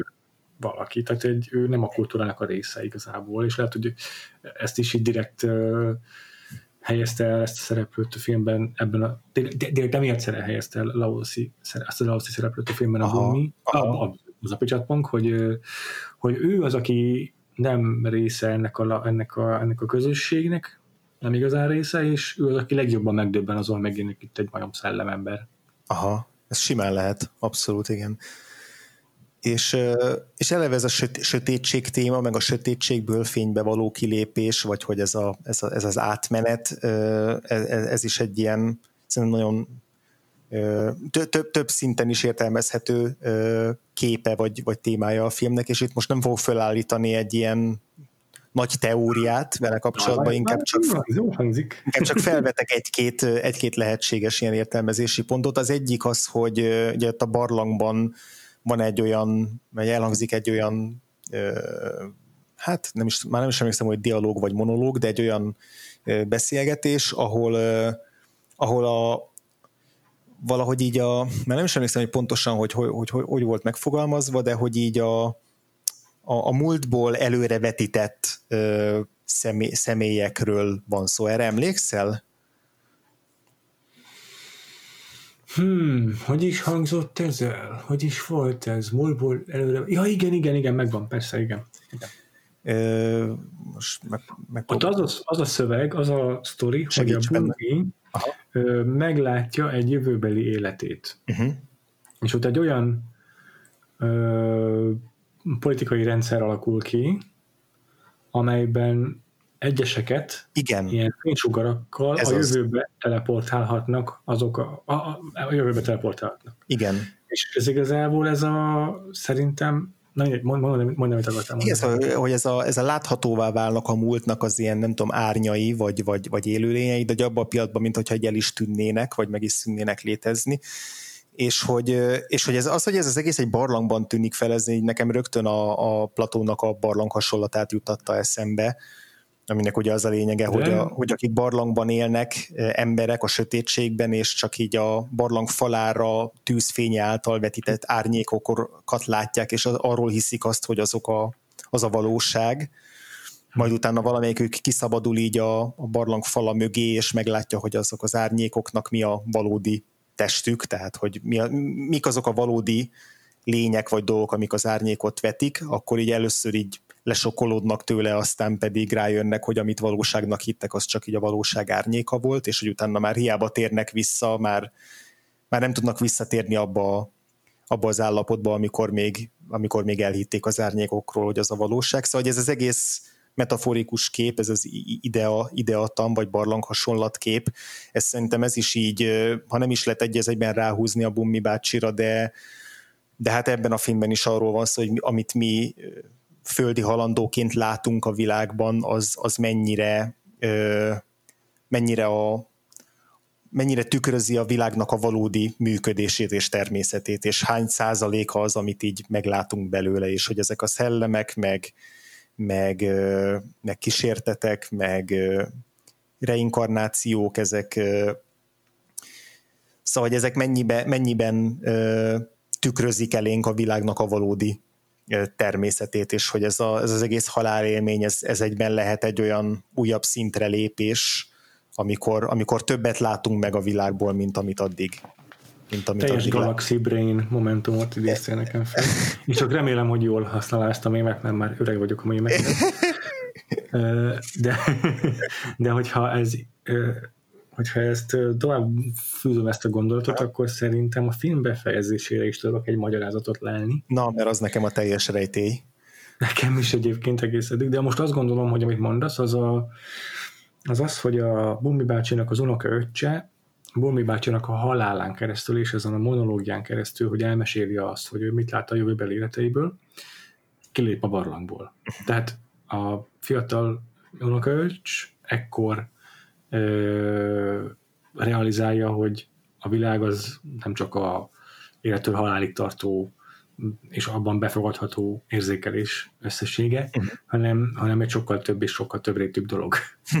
és már nem tud, nem tud vissza menni a barlangba, ahol nem tud már visszazárkózni abba a világba, ahol uh-huh. túl, ahol, ahol nem lát túl ezen a, ezen a, a rétegén a valóságnak. És azért a film befejezésében, ahol egy egyik pillanatról a másikra meglátja saját magát, ahogy mást csinál, és aztán elmegy vacsorázni, miközben egy másik hely, miközben egy párhuzamos, ezzel párhuzamosan ő még mindig ott ül a családjával, és még mindig nézi a televízión. Ez az, hogy ő már túllépett a általunk feladatragos módon értelmezhető valóságon, és, a, és az újjászületést, meg a, a, ezt a spiritualitást, ezt már a való életében is megéli. Semmi értelme továbbra sem, de talán. De, de igen, nagyon jó, meg hogy ugye ott abban az utolsó jelenet sorban az is benne van, hogy ő mint hogyha szerzetesként próbálná ezt az új tudását, vagy ezt, a, ahogy is megnyílt a szeme, ezt, ezt megpróbálja ilyen spirituális módon értelmezni, de hogy így tökre nem megy neki, tehát hogy ilyen, nem tudom, full béna a szerzetességben, és, és ezért haza, haza is megy, és lezuhanyozik, és áttöltözik megint ilyen polgári ruhába, de szerintem ez is ez is passzol abban, amit te mondasz, hogy, hogy megpróbál visszatérni ebbe a barlang állapotba, amikor még nem tudott többet a világról, de hogy pont amikor így azt hiszi, hogy akkor most így visszasettenkedett, és megint a kis izé, pólóját meg farmerét viseli, akkor látja meg saját magát ott, a, ott az ágyon, tehát hogy akkor tapasztal meg megint olyas valamit, ami nem egyeztethető össze a, azzal, ahogy ő korábban élt, vagy ahogy korábban látta a világot. Yeah. Tehát, tehát ebben szerintem teljesen belepasszol, amit te mondasz, hogy ő már átlépett egy olyan, nem tudom, határvonalat, így az észlelésben, ami, ahonnan már így nincs nincs visszaút, és aztán Aha. ezt még meg lehet fejelni még egy plusz ilyen metaréteggel, hogy akkor a, a, a filmnek a hatása, a, fi, a film az hogy működik, meg a mozi, wow. meg az, na, mit... ez a brénecsém. hogy az, az mit mutat meg a világról, mert hogy olvastam egy olyat, hogy a tájföldön a, a, a, a mozit azt így a, a sötétséggel asszociálják a, a filmesek. Tehát, hogy van egy ilyen, nem tudom, modern hiedelem vagy hagyomány, hogy a mozi az így, az így az így valami gonosz, vagy valami ilyen, ilyen, kártékony dolog, vagy legalábbis valami sötét, sötét dolog. És, és olvastam egy ilyet, hogyha, hogyha egy tájföldi rendező éppen valami ezért, megoldatatlan probléma elé kerül, vagy úgy érzi, hogy így nem halad jól, akkor, akkor ott áldozhat a sötétség istenének, és akkor azzal ah, kaphat uh, valamiféle izé, tovább lökést az útján. Szóval, hogy ilyen egészen megint a, a, az ősi meg a modernnek a találkozása az annyira fura, hogy így, hogy így uh, még a a színfalak mögött is megjelenik, és akkor, és akkor az, se, az se lehet véletlen, hogy ezt, ezt még filmre forgatta, de hogy már valószínűleg akkor tudta az apicsatponk, hogy így ez utolsó olyan filmek egyik, amit filmre fog forgatni. Ja, ja, ja, igen. Biztos, hogy ebbe is bele lehet olvasni valamiféle ö, ö, halálélményt, vagy, vagy, vagy hm. végességélményt. Igen, és az újjászületésében is benne van végül is. Abszolút. A film egy más élőlényként folytatja az útját. Igen. Viszont, hogy, hogy ne csak így a nagy, nagy, nagy mély filozófiai megfejtéseket próbáljuk így megtalálni, azért azt is ki akarom emelni, hogy van egy-két nagyon halvány, de szerintem jópofa ilyen humora is a filmnek. Na. Hogy egy, egy-egy ponton, ami elsőre nem is tudtam mindig megállapítani, hogy ezt most humornak szánják-e vagy sem, de például amikor megjelenik először ez a, ez a majom szellem, vagyis visszatér a Budminak a, a fia ilyen majom szellemként, és elmeséli, hogy hogy lett majom, akkor így a, a, a a nagynényének, tehát a, a, a Bumminak, a sógornőjének a, az első kérdése az, hogy te miért, miért hagytad így megnöveszteni a hajad, ami egy teljesen abszurd kérdés, és nem tudom máshogy értelmezni, csak egy ilyen izé, abszurd poénként. ja, tényleg. Mert én biztos, hogy nem ezt kérdezném meg először, hogyha valamelyik rokonom izé, az ete, Etek de Block egyik izé, ufójaként térne vissza. Illetve még kiírtam egy olyan mondatot is a film valamelyik pontjáról, amikor arról beszél, a, azt hiszem a, a, a kísértett nő, tehát a Bumminak a felesége, hogy a, a mennyország túlértékelt ami megint így önálló mondatként annyira nem passzol bele ennek az egész filmnek a, az ilyen meditatív egzisztencialista yeah. hangvételébe, hogy, hogy ez tetszik, hogy azért egy-egy ilyen kis Tényleg. morzsát így bele tud szúrni, mint hogyha így azt éreznéd, hogy így az apicsatpong ezt így komolyan veszi ezt a dolgot, de azért nem veszi annyira komolyan a dolgot, hogy itt, ő, ő itt most meg akarja váltani a világot. Igen, igen. És egyébként beszéltél arról ironikusan értelmezhető a film címe. Ja, igen. Erről még beszéljünk. Igen, én, ha, ha, ha jól emlékszem, akkor a, a film egy pontján a Bumi bácsi be, bevallja, hogy ő nem emlékszik a korábbi életeire. Ja, igen, ez nem marad meg ez a dialógus részletben. Igazából ennyi, hogy így a film címe, ami az egyetlen olyan mondat, ami így az elejétől egy ilyen fogódzót nyújt, hogy na akkor mielőtt elkezded megnézni a filmet, már tudsz egy ilyen értelmezési keretet, vagy jelentést adni a filmnek, és akkor egyszer csak így, így azt mondja, hogy á, á, á, á, ez, ez, ez az egész nem úgy van, ahogy gondolod. Szóval ezt, ezt, ezt meg csak ja. ilyen trókodásnak tudom. És te, mit, te, te egyébként hogyan értelmezted ezeket a különböző ilyen inzerteket, tehát mondjuk a szarvasmarhásat, meg a has, halszexeset? Ki, kik, melyik szereplő volt a Bunmi bácsi előző élete ezekben a szegmensekben? Hát ez az, hogy ha szaván fogjuk, a, bu- ha szaván fogjuk a Bunmi bácsit, és, azt, és elhiszük, hogy ő tényleg nem emlékszik vissza az életeire, akkor kicsit már ilyen, ilyen fából vaskarika lenne elkezdeni bebizonyítani, hogy ezekben a betétörtetekben valamelyik mégiscsak a Bummi bácsi. vagy akkor úgy vannak a filmben? Hát ez az. Vagy akkor úgy vesszük, hogy a film nem a Bummi bácsi nézőpontjához ragaszkodik, hanem egy ilyen felsőbb nézőponthoz, és ugyan a Bummi bácsi nem emlékszik, de azért a film megmutatja nekünk, hogy milyen volt a régi élete. Simán ezt, ezt abszolút el tudom képzelni, de igazából valószínűleg a, az igazából mindegy, az a, az a végkövetkeztetés, ameddig én eljutottam, mert, mert nem tudtam megtalálni olyan, meg, olyan egyenes megfeleltetéseket, hogy a, a, a mondjuk, amit tudom én, a, a hercegnő az miben hasonlíthat a Bumi bácsihoz, vagy, nem, a, vagy ez a Nekem annyi az, ami Hintó szerintem így végigkövethető ilyen útvonala az, az életeinek Bumi bácsának az, hogyha úgy értelmezem, hogy a, a legelső szegmensben az a majom szellem, amelyik nézi az arvasmarhát, az a Bunmi bácsi. Bár igaz, hogy nem ő a főszereplője a szegmensnek, tehát fogalmam nincsen miért róla szólna. Uh-huh. Tegyük fel, hogy ő, ő az, mert akkor akkor érthető, hogy hogy olyan emberként születik újra, akinek a fia majom szellem majom szellem fil, majom szellem szexuális. Ez jó, hogy így megpróbálsz egy ilyen okokozati láncolatot felépíteni abban, hogy ilyen, miért, Látszik, hogy mennyire pragmatikus hogy igen, igen, hogy miért, miért, miért lehet hihető az, hogy... És akkor a végén meg az, hogy a, tehát a, a, a, az a szegmens a hercegnővel, ott pedig annyi szerintem, hogy valószínű, hogy a hercegnő a Bunmi egyik korábbi élete, mert ugye ott elhája a nászát van ezzel a harcsával, mm. és ő maga is harcsává változik, és aztán látunk ilyen kis harcsákat, és az vízben uszkálni, uh-huh. és, és aztán a, rögtön utána meg a, a vágás az az, hogy megyünk a barlangba, uh-huh. ahol a barlang alatti kis vízben ilyen albino harcsák, vagy albino halak, vagy nem tudom, mik vannak, de szerintem az azért van az a vágás, hogy érezd, hogy ezek ugyanazok a halak, vagy a leszármazottai. aha, aha. Tehát, hogy a Bulmi ott visszatér a, abba a közegbe, ahol egy korábbi életében már egyszer már reinkarnálódott. Aha, aha, mondjuk ebben abszolút van valami. Úgyhogy ezeket az összefüggéseket találtam csupán. Szerintem de, tökéletes. Ha, de egyébként egyetértek azzal, hogy nem az a fontos, hogy ezek most pontosan hogyan értelmezhetőek, hanem az újjászületés, illetve a korábbi életek nem is ezen a text szinten fontosak, hanem, hanem, hanem a Bulmi bácsi az újjászületés nek a hit világán keresztül próbálja feldolgozni a saját bűntudatát szerintem, uh-huh. és a bűntudat a legfontosabb motivuma a filmnek számomra. Hmm.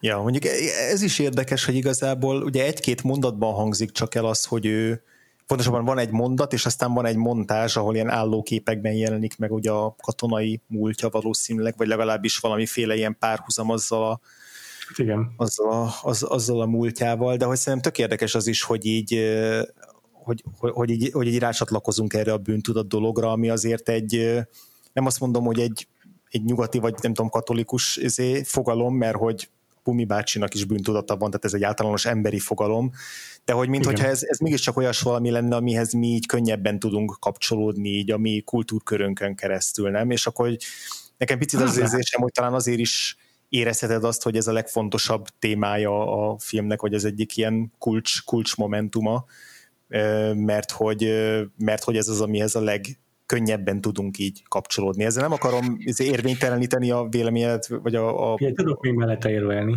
Abszolút nem akarom érvényteleníteni, mert teljesen megállja a helyét, csak csak ez eszembe jutott róla, hogy, hogy, hogy, hogy lehet, hogy mondjuk egy tájföldi, vagy egy, vagy egy buddhista neveltetésű ember akár ezt is teljesen máshogy, máshogy értelmezi, de hát ez, ehhez persze egy olyas valakivel kéne. Ezének fontosnak ez a, ez a bűntudat motivum, mert tényleg a halállal szembenézve ez az egyik legfontosabb dolog, amire visszaemlékszik, amikor arról beszél, hogy miért büntet engem a karma ezzel a beselégtelenséggel. A másik meg ugye, hogy a felesége halála után csinálta ezt az egész kertészkedés dolgot, uh-huh. vagy fölművelést, és gondolom ez így a feleségének egy ilyen utolsó kívánságaként, vagy a felesége emlékére, vagy nem tudom. De az már valószínű, hogy egy ilyen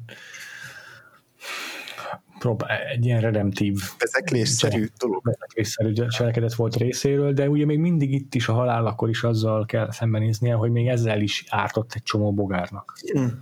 Igen. És, és hogy nem tud ezen sem túllépni, és még mindig a bűn gyötri őt, vagy a bűntudat gyötri őt.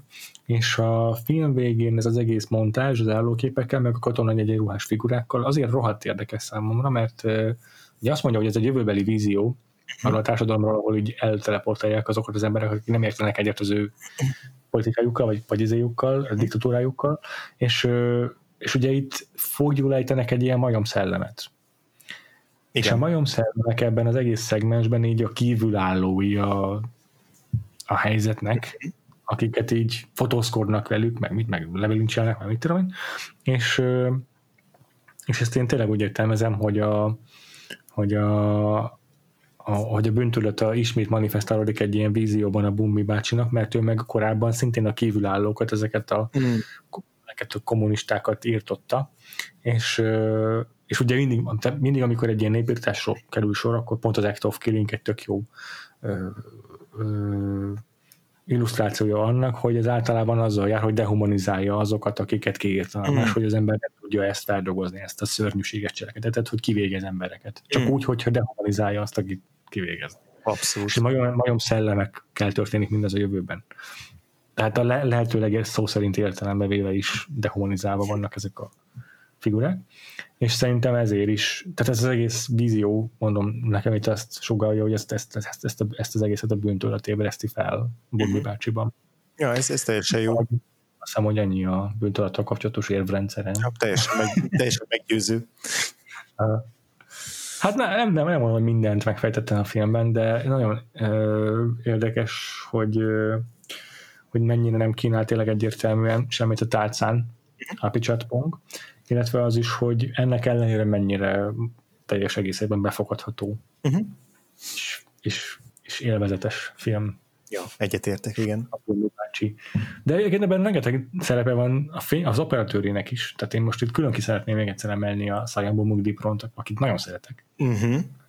Mikor Oscar-adásunk van, akkor mindig ö, ö, tehát a legutóbb a Suspiria miatt külön kiemeltük őt. Uh-huh. Mindeket nem szerettük.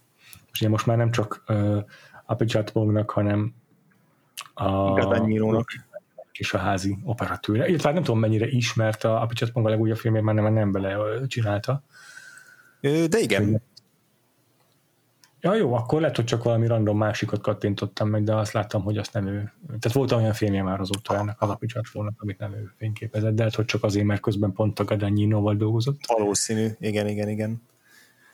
De de visszatért most igen, a, a, igen. a, a Tilda Swintonos filmjét, azt megint bele, szuper, belekészíti. Szuper, szuper. Úgyhogy, De tényleg igaz, amit mondtál arról, hogy marha okosan választja külön a filmszegmenseit a kamerakezeléssel, a kamerakezeléstől kezdve a fényárnyék hatásokon át, csomó mindennel, Szájambó, meg Bikrom. Hm, igen, úgyhogy mindenképpen én, én még nem tudom, hogy mikor, de valamikor még, még vissza fogok menni majd a, az Apicsatonnak korábbi filmjeire. A, a Tropical Melody az, az kifejezetten érdekel, de ez a cenzúrázott Syndromes and the Century is, tehát hogy az a, az a pár dolog, amit így olvastam ezekről a filmekről, meg a tartalmukról, az abszolút abszolút hmm. érdekel, és, és az eddigi tehát nem, nem állítom se a Bummi bácsinál, se a, a Ragyogó Necropolisnál, hogy valami ilyen letaglózó élményt nyújtottak volna a filmek, de nem is tudnak. Tehát ez, ezek nem, az a, nem azok a fajta filmek szerintem, amik tényleg egy ilyen vagy nekem, számomra legalábbis nem olyan filmek voltak, amik egy ilyen elsöprő erejű mestermű élmény, hanem egy Igen. nagyon különleges és meditatív és ilyen beszippantó film, ami tényleg így bekebelez a saját világába. Ez és, és ezek viszont abszolút pozitív élmények, úgyhogy, úgyhogy biztos, hogy pótolgatni fogok még, még tőle korábban. Igen. Szerintem de... nagyon szépen fogalmazta ennek a filmnek az élményét azzal, hogy a, ahogyan arról beszéltél, hogy a halált az milyen érdekesen kontextualizálja. Igen, igen, igen. És ez, és ez pont olyasmi, amit tényleg nagyon nehéz szavakba foglalni, és, és nagyon, nagyon jó a, a filmnek a nyelve arra, hogy, hogy ezeket, a, ezeket az érzéseket így meg tudja fogalmazni, vagy meg tudja jeleníteni. Yeah. Még azt ki akartam emelni, hogy a, ahogy így olvasgattam interjúkat a Szapicsatponggal, volt egy olyan filmterve, ami nem valósult meg, amit a most így az elmúlt években akart valamikor tető alá hozni, csak túl költségesnek bizonyult volna, és ezt egy ilyen triviaként mindenképpen el akartam mesélni neked, nem tudom, hogy bele akarta az Utópia című projektjébe. Nem, de mondjuk tippelni meg nem volna azok alapján, amit eddig mondtál, hogy science fiction. Abszolút, abszolút science fiction, mert mesélt arról, hogy mit a Ray Bradbury is neki egy hatalmas kedvence, meg ugye a Spielberget is emlegettem, tehát ugye nagy science fiction rajongó. És hogy kitalált egy olyan filmötletet, hogy a jövőbe játszódna egy ilyen havas tájon, vagy havas világban, és egy űrhajó lenne ott így gyakorlatilag így zátonyra futva ebben a működésképtelenül ebben a havas tájon, és ez az űrhajó, ez maga az Enterprise űrhajó lenne, ami így a pusztulás utolsó fázisaiba van, és az Enterprise-nak a fedélzetén... Fanfiction. Hm? Ez egy fanfiction. És, a, és, a, és az Enterprise-nak a fedélzetén ott lenne egy csomó híres tudós nő különböző science fiction filmekből és sorozatokból. Egy fanfiction. Tehát például a, izé, mint a Jane Fonda Barbarellából, akkor a, azt mondta, hogy konkrétan beszélt a Gates McFaddennel, ugye a, a Star Trek új nemzedékből, beszélgetett azzal a színésznővel, hogy, hogy ő rá is számít ebben a projektben, és hogy akkor ezek így félig magukat játszanák, félig pedig a, a karakterüket, és így folyamatosan így játszana, vagy játszott volna azzal a film közben, hogy így hogy így ezek mikor színészek, mikor játszanak, mikor díszlet, mikor nem, és hogy hogyan emlékeznek vissza így a, a, a korábbi életükre, mert hogy a film arról szólna, hogy, hogy akkor ők, ők, ők próbálják így visszakövetni a saját emlékeiket, és felidézni azt, hogy ők most pontosan kicsodák, és hogy kerültek ide. Ez egy teljesen abszurd és ilyen Charlie Kaufman meets Igen. nem tudom kicsoda. Charlie Kaufman. Igen, ö, nagyon megnéztem volna ezt, ez, ez szerintem szinte lehetett, tehát tényleg elképzetetlen, Charlie hogy ez... Kaufman meets Noah Hawley. Abszolút, igen, szóval nem tudom, hogy ez hogyan jöhetett volna össze, de egy egészen, egészen egyedi ötlet. Ez, ez durva, ez, ez azért megvettél abban a pillanatban, amikor kiderült, hogy ez ilyen ez ilyen elmos, elmossa a határokat a valóság meg a színész, tehát a szerepek között. Ja. Addig nagyon furcsa a fanfiction csupán. Na, yeah. azt nem tudom, mondtuk erről a filmről viszont, hogy ja, én nyilván megnézném ezt a filmet millió, ötször, ötvenszer, ötven millió. De azt nem tudom, mondtuk erről a filmről konkrétan, hogy ez már meg is nyerte az Arany Pálmát Kánban. Igen. Igen. És, az... és a Tájföld jelölte a legjobb idegen nyelvű filmnek járó Oscarért is, de nem jelölték végül a filmet Oscarra, azt tudtad? Ö, igen. Nézted, hogy miket jelöltek abban az évben? Nem, 2010-ben?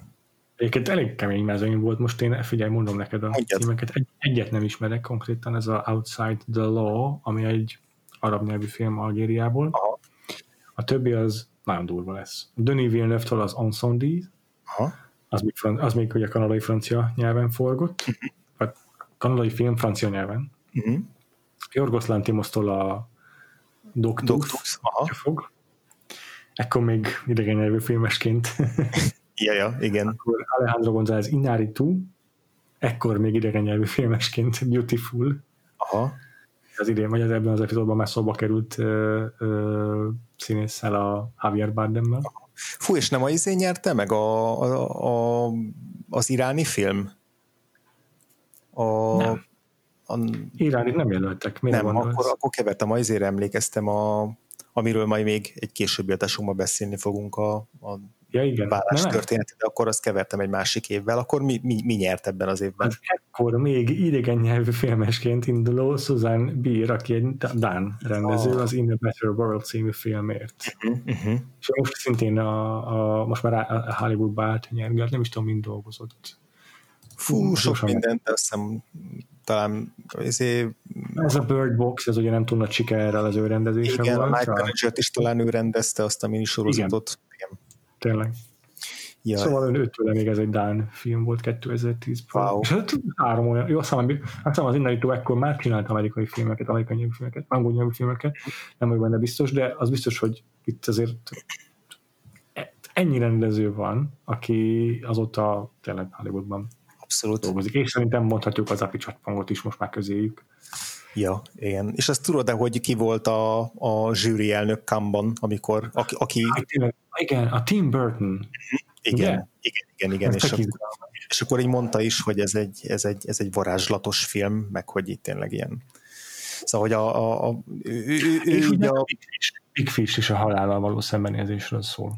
Igen, igen, igen. Szóval hogy érdekes lehet, hogy ő milyen szemmel nézte ezt a filmet, meg hogy ő melyik, melyik rétegeit ö, emelte ki, vagy, vagy, vagy miért, ö, miért ezt, ezt szerette a legjobban. Egyébként még olyanok voltak a, a zsűriben, mint a Kate Beckinsale, Benicio del Toro és a Alexandre Dupla. De király zsűri. Úgyhogy... Tim millió filmje van a halálról azóta. Mármint, hogy a Big Fish után is ott volt ez a Corpse Bride, Pff, biztos, hogy több is, de hát így, így őt nagyon foglalkoztatják ezek a dolgok. ez, ez nem, nem is rossz párosítás. Jó van. Van még valami a filmről, amit esetleg elfelejtettünk elmondani? Mm, azt hiszem, hogy más most nincsen, nekem legalábbis. Akkor volt menetrendes doksit, és bejelentjük a következő adást, vagy tudod fejből, András? Én úgy emlékszem, hogy most már India következik, de javíts ki, hogyha tévedek. India és igen, uh, Cyclo uh, felhívta rá figyelmünket, de durván ki fogjuk kerülni a Bollywoodot. Igen, tehát hogy Indi, Indiából nem a, a populárisabb műfajok közül fogunk uh, választani. Majd nem tudom, a, most ez a kilencedik évad, majd nem tudom, a huszadik évadban, amikor már megnéztük az összes uh, David Lean filmet, megnéztük az összes dél filmet, Igen. megnéztük mindent Kuroszavától, na akkor majd csapunk egy Bollywood évadot. Így van. Viszont addig... addig, addig egy ilyen korszakos jelentőségű indiai filmet, egy felnővés történetet fogunk megnézni. Pontosabban igen, mindjárt mondom, hogy hogyan. Tehát ez, a, ez az Apu trilógia, és és most az ez... első filmje az a, a, a Pater Panchali, azt hiszem. Panchali, magyar címén az út szele? Mindjárt megnézem, nem akarom nem tudom, a magyar címe, addig még nem jutottam el a nézelődésben. Ezen csak azért akadtam el itt a felvezetésben, mert hogy ezt most nem úgy fogjuk feldolgozni, mint a, a bosszú trilógiát Pár Csambuktól, hogy egy, egy adáson belül beszélünk mind a három filmről, hanem, ha, hanem erről a, a trilógia nyitó darabjáról fogunk beszélni a, a rendes feedünkben, és aztán a, a második és harmadik részről pedig a Patreonunkon egy, egy extra adásban. Legalábbis most ez a terv, még lehet, hogy ez változik, de, de egyelőre így futunk neki ennek a, ennek a fontos trilógiának. Így van, remélem sikerül is beszerezni hozzá a filmeket. És igen, igen, igen ez, ez mindig egy mindig egy érdekes kérdés. Sikerült megtalálnom a, a, a Pater Pancsalit, azt hiszem, de az Isten, az út éneke, igen, ez a magyar címe. Aha. Ez 1955-ből. Igen, ja, ja. Úgyhogy picit visszábugrunk a... Egyik legrégebbi filmünk az évadban, azt hiszem. Hm, hát talán csak a Tokyo Story, vagy Tokiói történet lehetett régebbi, de nem mennék megesküdni rá, de igen, most visszakanyarodunk. Igen, igen. És aztán igen, egy adás plusz a Patreon adások után átkanyarodunk Iránra és lezárjuk az évadunkat, uh-huh. és kezdődik az ezé a Vakfot versus. Uh-huh. És addig is a Patreonunkon egyéb, nem csak az ázsiai évadhoz kapcsolódó adásokat fogtok megtalálni, hanem vannak sorozat kibeszélő adásaink, mint például a Star Trek Picardról, vagy a Debsről. Tervezünk persze időközben itt a mozi bezárások miatt online megjelenésre kárhoztatott filmeket is feldolgozni, ahogy az időnk engedi. Uh-huh. És a podcastot pedig követhetitek a Facebookon, a facebook.com per Vagfolt Podcast alatt, illetve a Twitteren, a twitter.com per Vagfolt Podcast fiók alatt. Uh-huh. Továbbá az összes létező podcast hallgató platformon megtaláljátok beleértve az Apple Podcast-et, meg a Spotify-t és a kedvenc appotokat is. Uh-huh. András, téged hol olvashatnak a hallgatóink? Engem a Twitteren a Gains aláhúzás név alatt, illetve a Recorderem, recorder.blog.hu. Téged, Péter? Frivo név alatt, kettő elvel. Letterboxdon igyekszünk aktívan hmm. logolni a általunk megnézett filmeket, Igaz. és akkor jövő héten apuzunk. Így van, addig pedig lehet, hogy egy kivételesen egy extra adás lesz majd, feltűnik majd a rendes feedetekben a levelező rovatos adásunk, úgyhogy lesz egy ilyen plusz adás majd a, a... Ennek pedig annak az oka, hogy egyébként éppen most ünnepeltük a 200. adásunkat. Uh-huh. Múlt heti adásunk Cyclóval volt a 200. volt podcast. Uh-huh. Jó, úgyhogy még belehúzunk most így a tavasz végébe, aztán pedig, ahogy Péter mondta, jön majd a Vagfolt versus, de erről, meg a hátralévő filmjeinkről még bővebben beszélünk majd a következőkben. Addig is sziasztok! Sziasztok!